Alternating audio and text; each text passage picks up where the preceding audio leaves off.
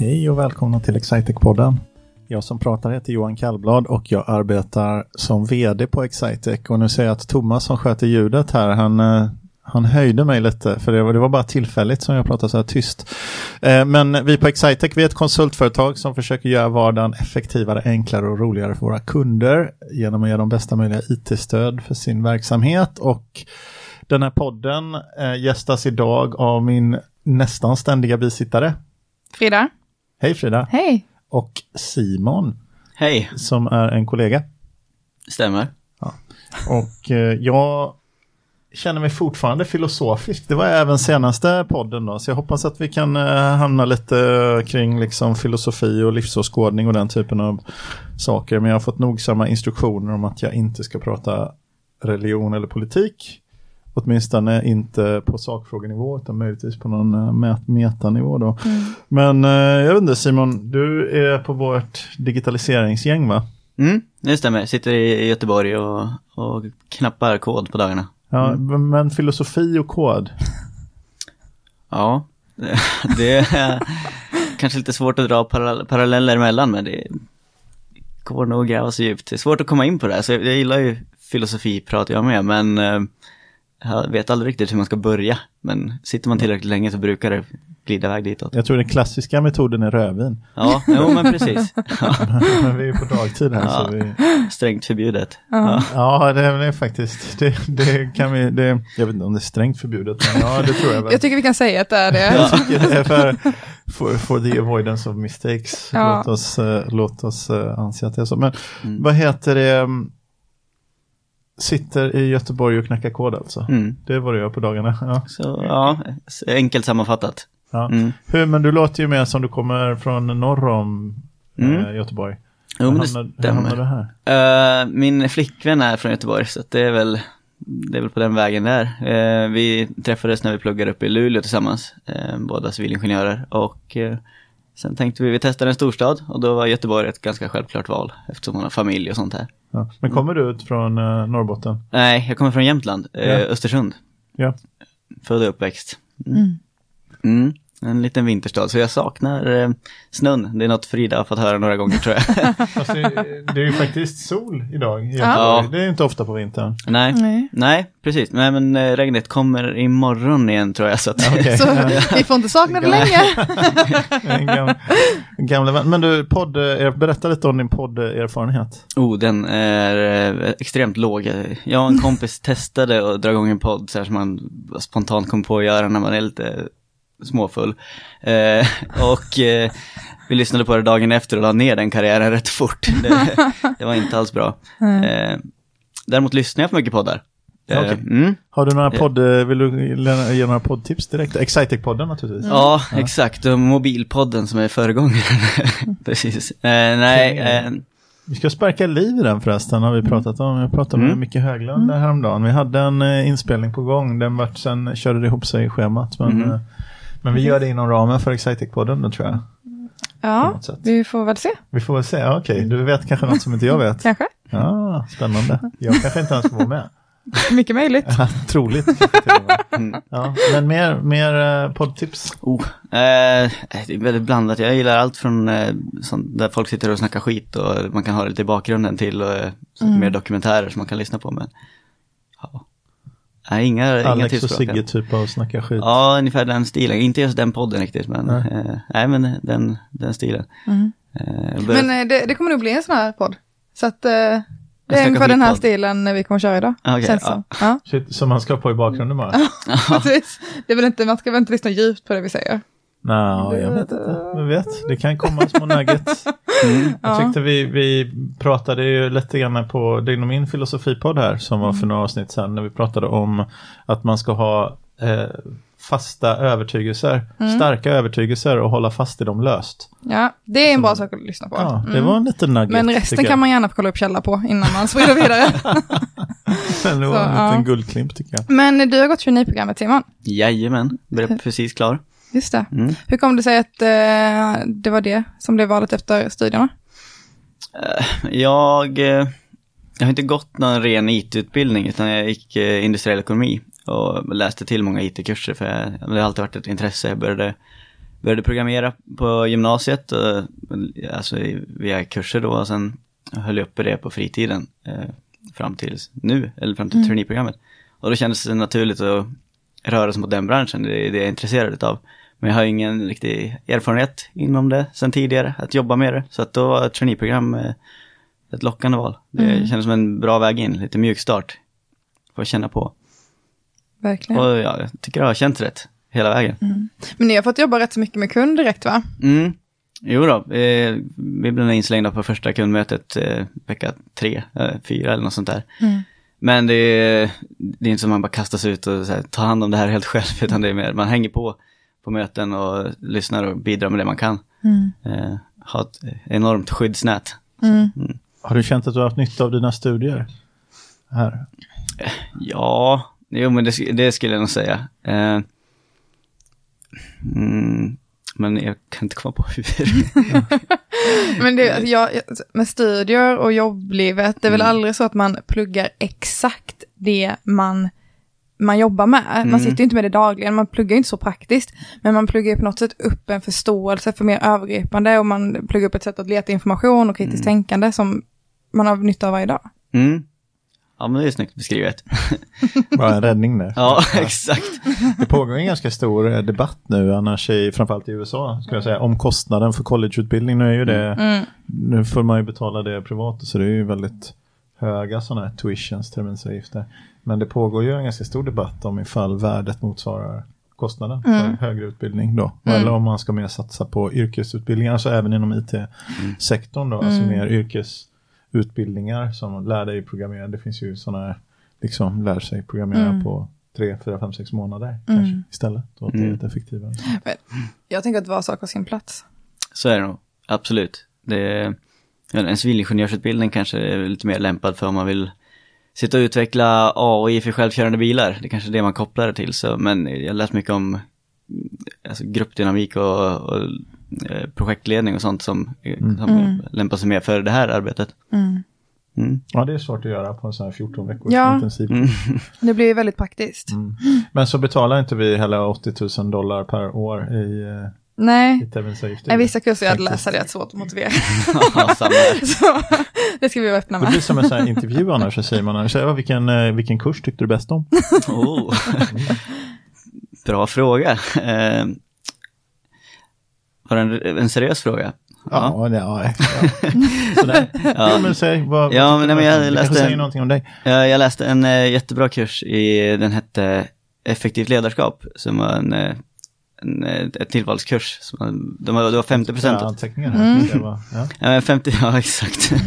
nu lärde du något. ja, exakt. Eh, nej, eh, men det var en kurs där 50% av deltagarna var eh, studenter och 50% var, de, alltså, var folk i arbetslivet som ville, Mhm. ville lära sig mer. Och läraren var jätteduktig, han brukade åka runt och föreläsa hela Sverige och så. så att, Vad ja, coolt. ja, det var intressant. Bra Mm. blandning av läsa artiklar och, och teorier och praktisk tillämpning av det. Kommer du ihåg någonting då som man kan ta till sig här som du vill dela med dig av till Mm. våra lyssnare? Jo, men det var några teorier jag fastnade riktigt mycket för. Det finns en som heter, ja vad är den heter?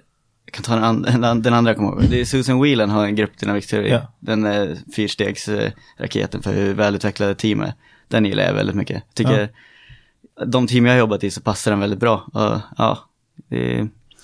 Men sen så finns det en som är Job Satisfaction eh, Index eller något sånt där. Det är, eh, ja, det är något sånt. Det är fem kriterier man mäter hur mycket man trivs på ett jobb med. Mm. Så det är hur självgående man är, hur mycket frihet man har, Mm. eh, hur bra feedback, feedback man får på det, man gör och så. Men det är väl den vi utgår ifrån va?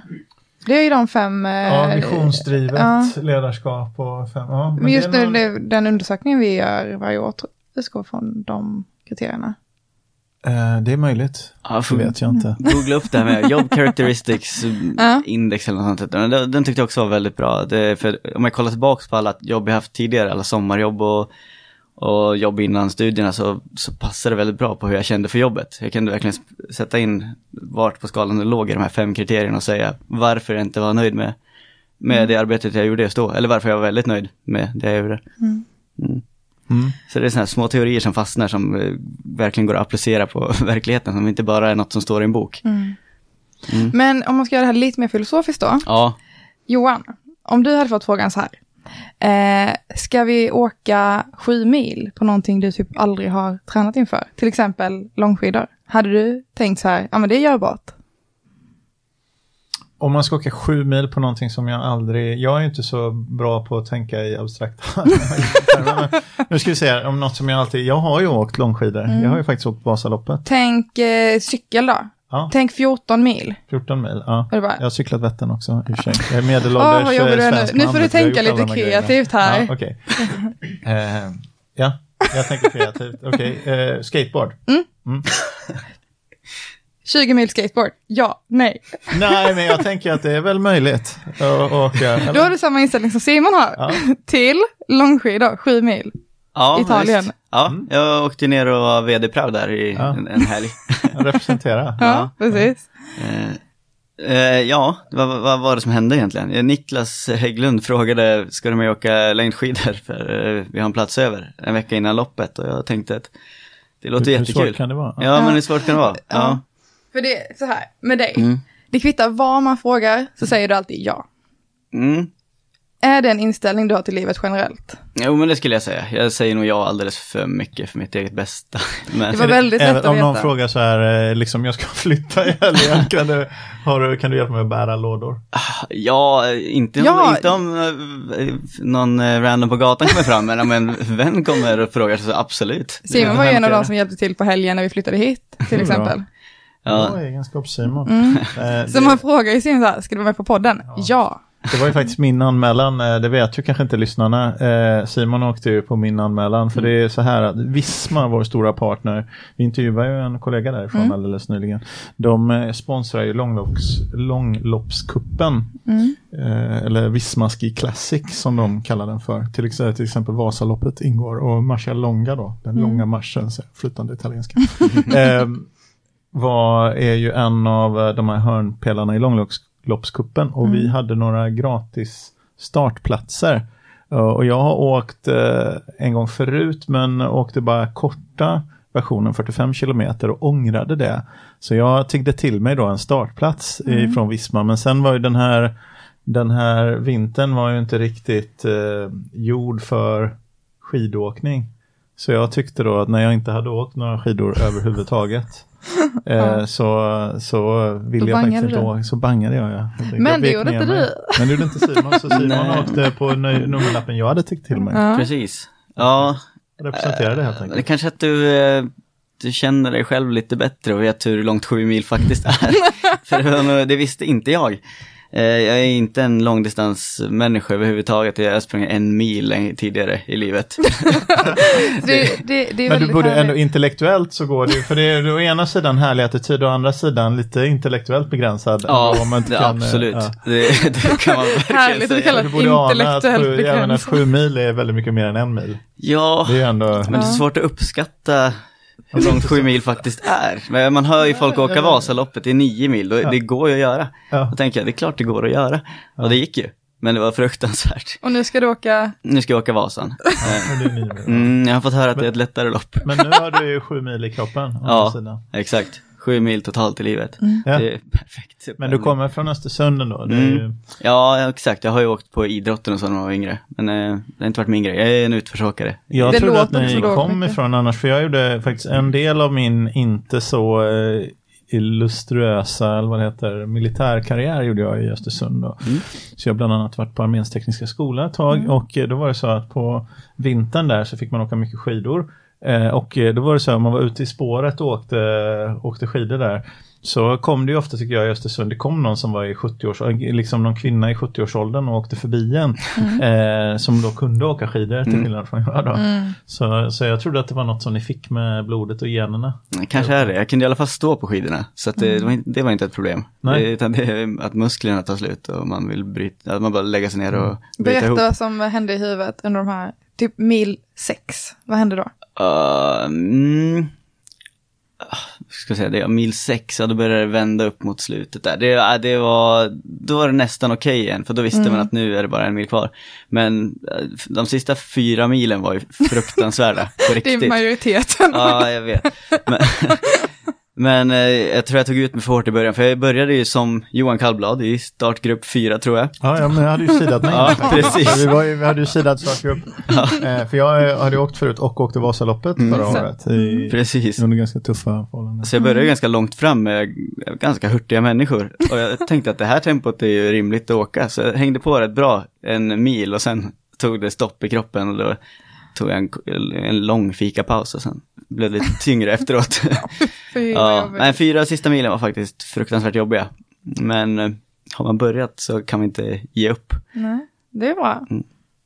Så det var där efter tredje milen det riktigt dippade. Mm. Mm. Ja, exakt. Hur laddar du inför Vasaloppet nu då? Eh, jag har hört att jag ska äta mer den här gången. Så att jag, jag har börjat äta sjukt mycket nu.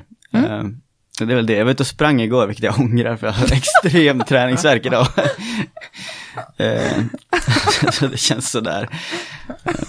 Mm. Men, jag tror det, det jag menar, du har ju sju, du har ju gjort det här nu. Dessutom är det en lång, lång eh, uppförsbacke i slutet av Marcialonga och det är det Mm. faktiskt inte i Vasaloppet. Nej, Utan precis. det är ganska fläckt på slutet. Mm. Så jag tror, men det är en bra tips är att hoppas på bra väder. Ja, jo. Hårda spår. Ja, det ser ut att vara det nu. Spår. Ja, Ja, precis. Mm. Hårda isiga spår och Mm. eh, inte snöfall. ja. Ska snöa natten mellan Ja, na, exakt. söndag, men det vet, ja det är för lång Mm. tid kvar tills dess. Det här kommer ju, vi kommer ju veta hur det går när det här eh, Ja, Vi ligger ju lite i förväg nu här. Vasaloppet är ju bara om några dagar. Men Det det. eh, nu när våra eventuella lyssnare lyssnar på det här, då kommer det ha varit. Så kan Mm. de kolla upp på Simon Bäckman Mm. hur, hur det har gått faktiskt. Ja, absolut, kolla mm, om jag kommer i mål, men det tror jag. Mm. Det är frågan är bara när. mm, precis. Ja. Men är det så på det, där, det loppet som var sju mil också, att man måste till vissa ställen innan en viss tid för att få fortsätta? Det vet jag faktiskt inte. Det, För det är väl på Vasaloppet, att man måste nå fram till en viss Ja, fast de är, det är ju så, men det är ju för att de som,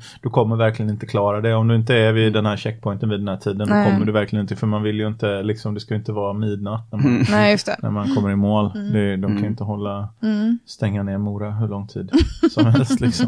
Så att det är nog faktiskt rimliga gränser. Mm. Men det blir ju väldigt stor skillnad. För är det ett år då det snöar till exempel, det kanske går 20% långsammare att åka skidor Mm. om det är i snöfall. Liksom, när Mm. spåren är dåliga. Och, det ser man ju på vinnartiderna. De bästa vinnartiderna är ju en, en bra bit under fyra timmar har jag för mig Mm. på Mm. Vasaloppet. Och sen när det är trögt så kan de liksom vinna på, på fem timmar Mm. nästan. Så att det skiljer ju även för eliten skiljer det ju väldigt mycket. Och så är vi, gud vet vi inte eliten.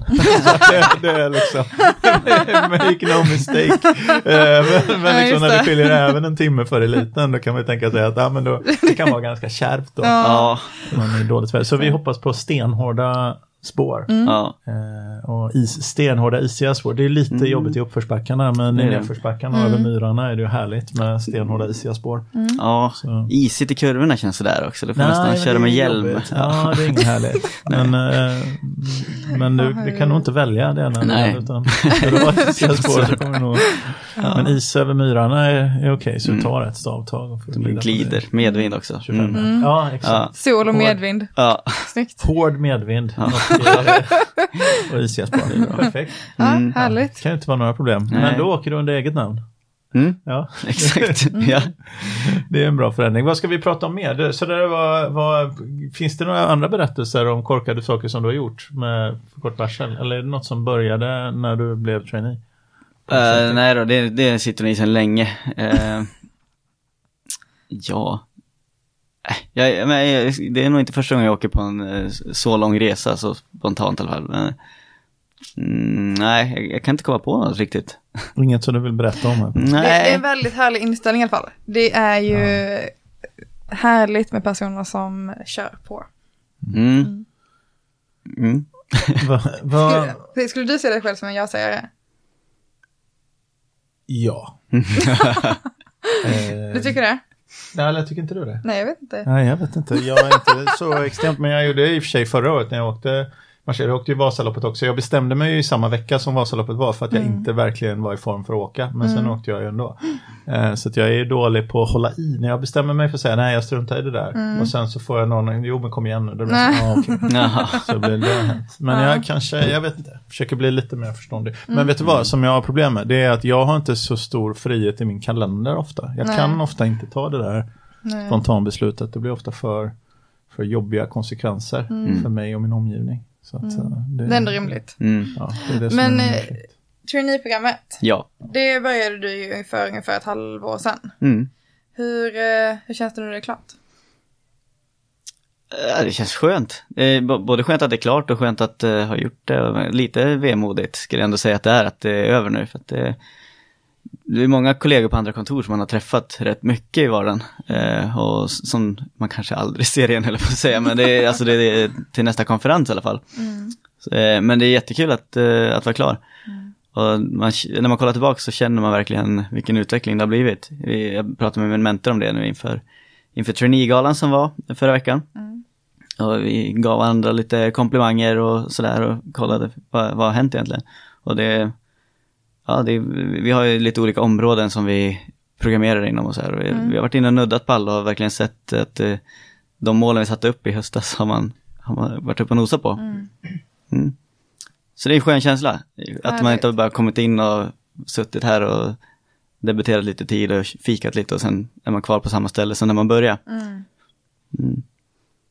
Men skönt. Vilket område du, eh, är det du är fokuserad på inom programmering?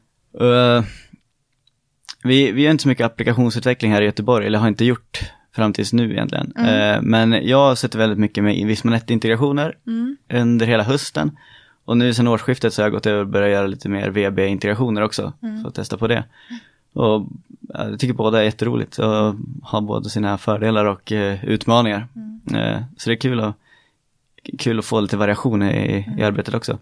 Och nu har vi också börjat med lite applikationsutveckling. Vi gör en eh, webb, en webbapp åt en kund som ska, ska förändra sin, eh, sin lagerhantering.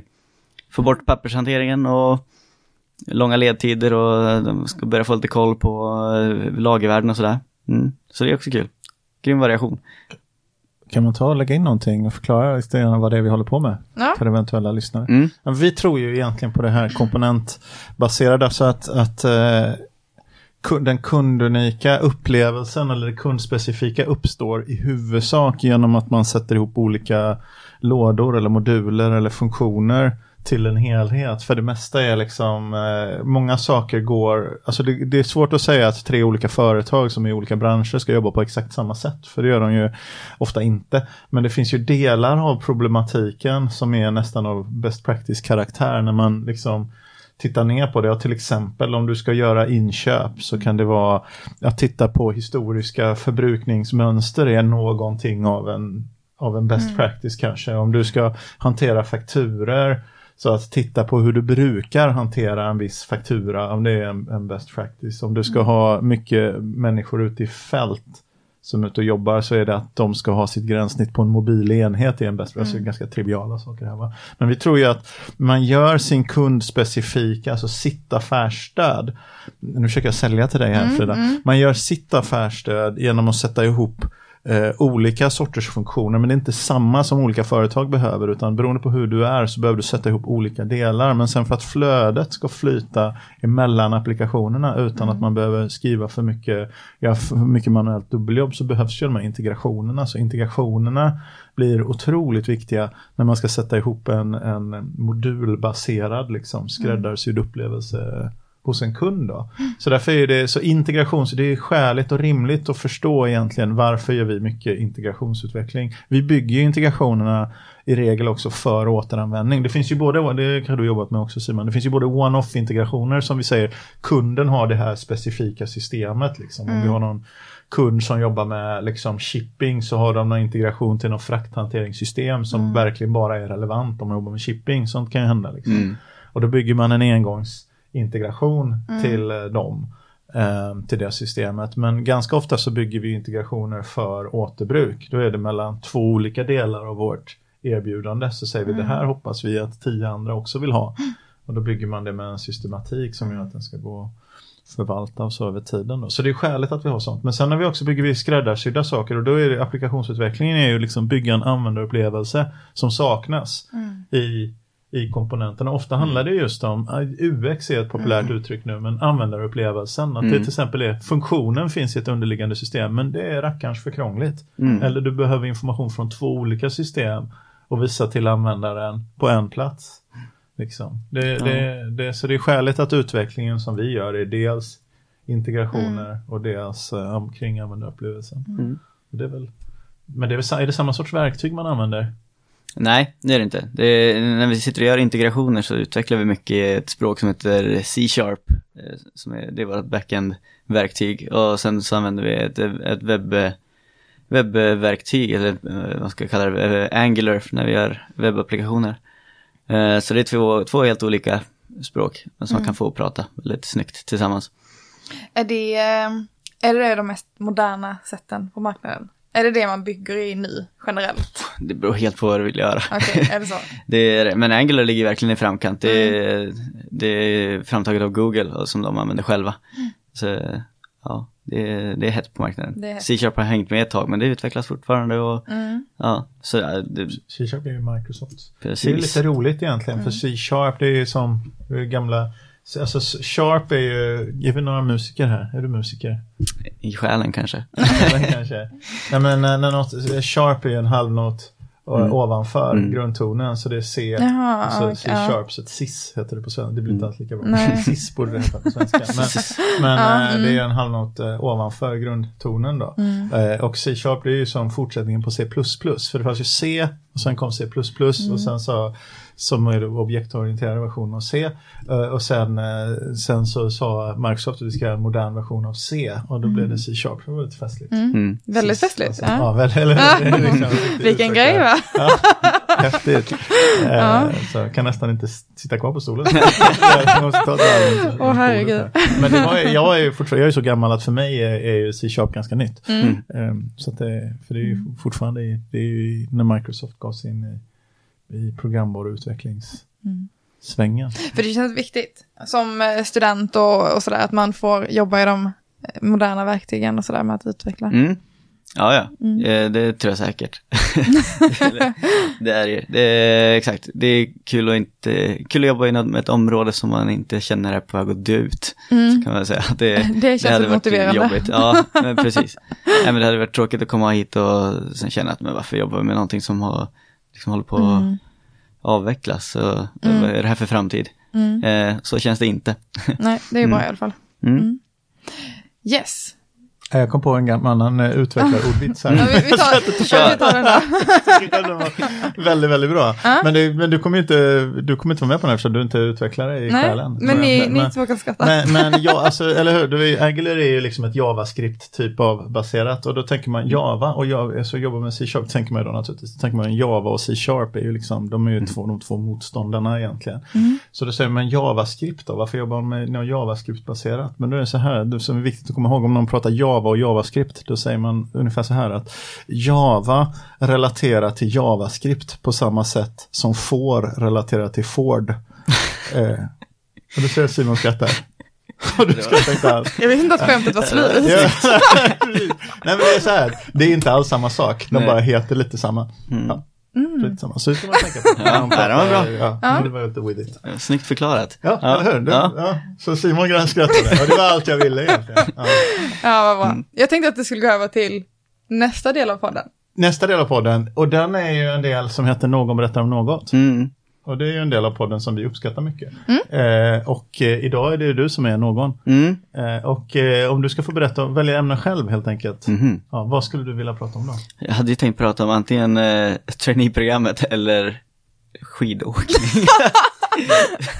eh, men det har vi pratat om. Eh, Nu vill du komma på något nytt snabbt. mm, precis. Kändisar från Östersund kanske? Oh, vad finns det för några?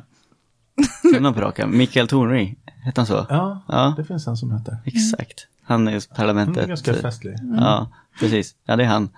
Evert Ljusberg. ja, han Ja. som drog vitsar i, slängde i brunnen. Han var ju från. Just det, gamla slängde i brunnen. Ja, det, Ja, riktigt gammal. Ja, precis. Jo, han är ju Jämtlands president.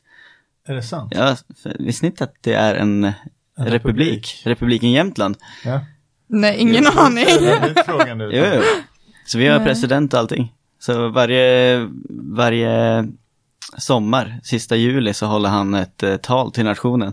Men Så gud. då samlas alla jämtar på Stortorget i Östersund och så står vi där med Jämtlandsflaggor och så sjunger vi och, och lyssnar när han talar om vad som hänt under året.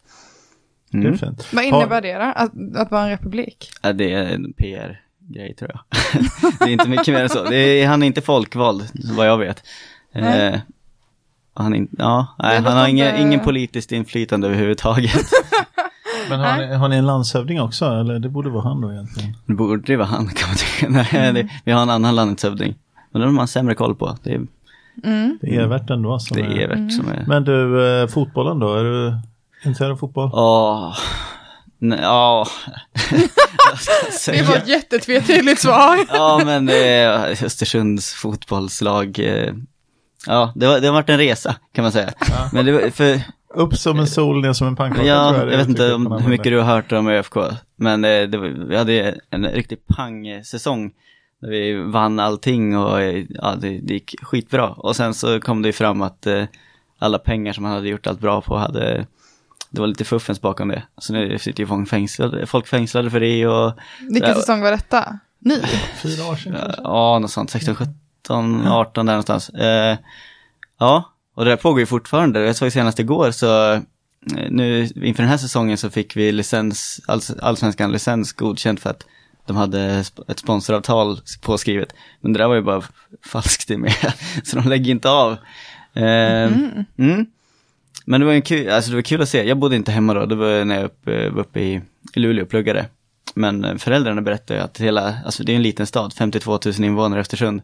Så det är, när det händer något sånt där, när hela, liksom, då samlas hela stan på torget och ses. Och, och Så antagligen är han liksom gamla klubbdirektören, arkitekten bakom Mm. det där är ju på något sätt, man får nog en blandad känsla för. Å ena sidan, ja det är väl ganska klarlagt att han inte bara gjorde bra saker. Mm. Men å andra sidan så fick ni ju en fantastisk säsong med fotbollslaget som inte, inte har, så att det, man har ju liksom blandade Är det blandade känslor?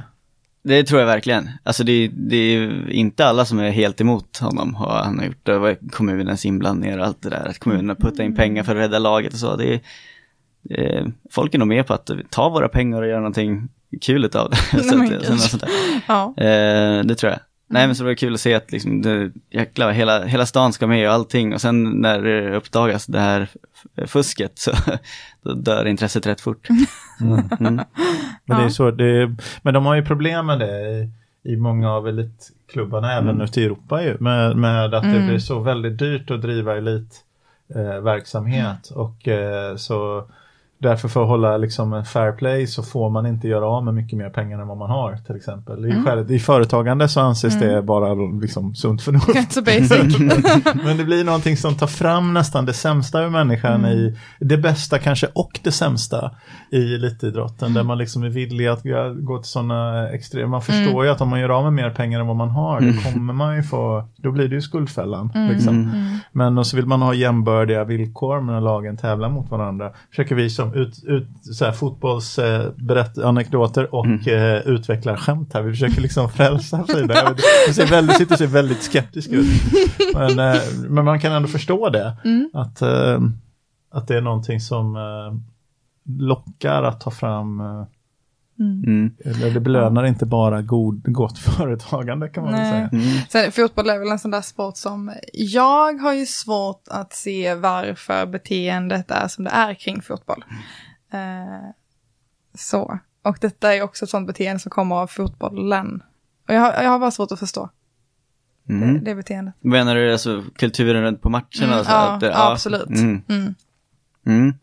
Jag kan hålla med. Jag har också varit så här lite, eh, att varför ska man hålla på och stöka så mycket på fotbollsmatcherna? Varför måste det vara så bröligt? Eh, sen råkade jag gå på en handbollsmatch nu när det var här i, match här i Göteborg. Och då var allting så jäkla klämkäckt. Folk satt och klappade i hand i takt och så här. Och då saknar jag lite det här bröliga. Lite, ja, men, lite mer känsla. In, ja. Ja, det kan väl vara härligt att visa känslor på det sättet, men Mm. Nej, nej, inte när det går över styr och allt, inte allt slagsmål och sådär. Det, nej. Mm. Mm. Slagsmål på läktare, handboll är en ganska hård sport nere på plan. Ja, det är det. Ja.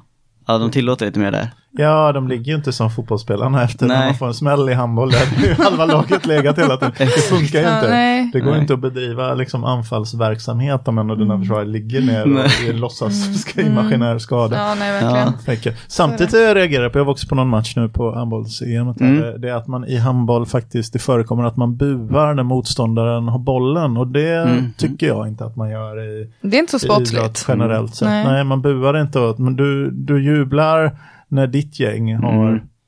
eh, Mm. när ditt gäng har eh, bollen, men du buar inte åt det andra gänget. Mm. Så eh, ja, jag tyckte det var inte bara ehm, men det var väl just handboll, man, man Mm. kommer ju ganska nära spelet på något sätt Mm. Mm, i handboll.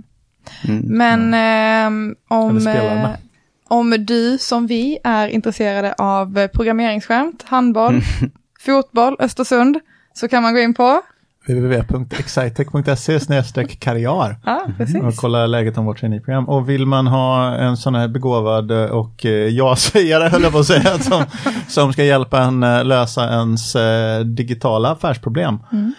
då kan man gå in på www.excitec.se och kontakta Simon eller någon av våra andra kollegor. Ja, Mm. men du ska ha tack för att du ville komma hit. Ja, tack för att jag fick komma. Mm.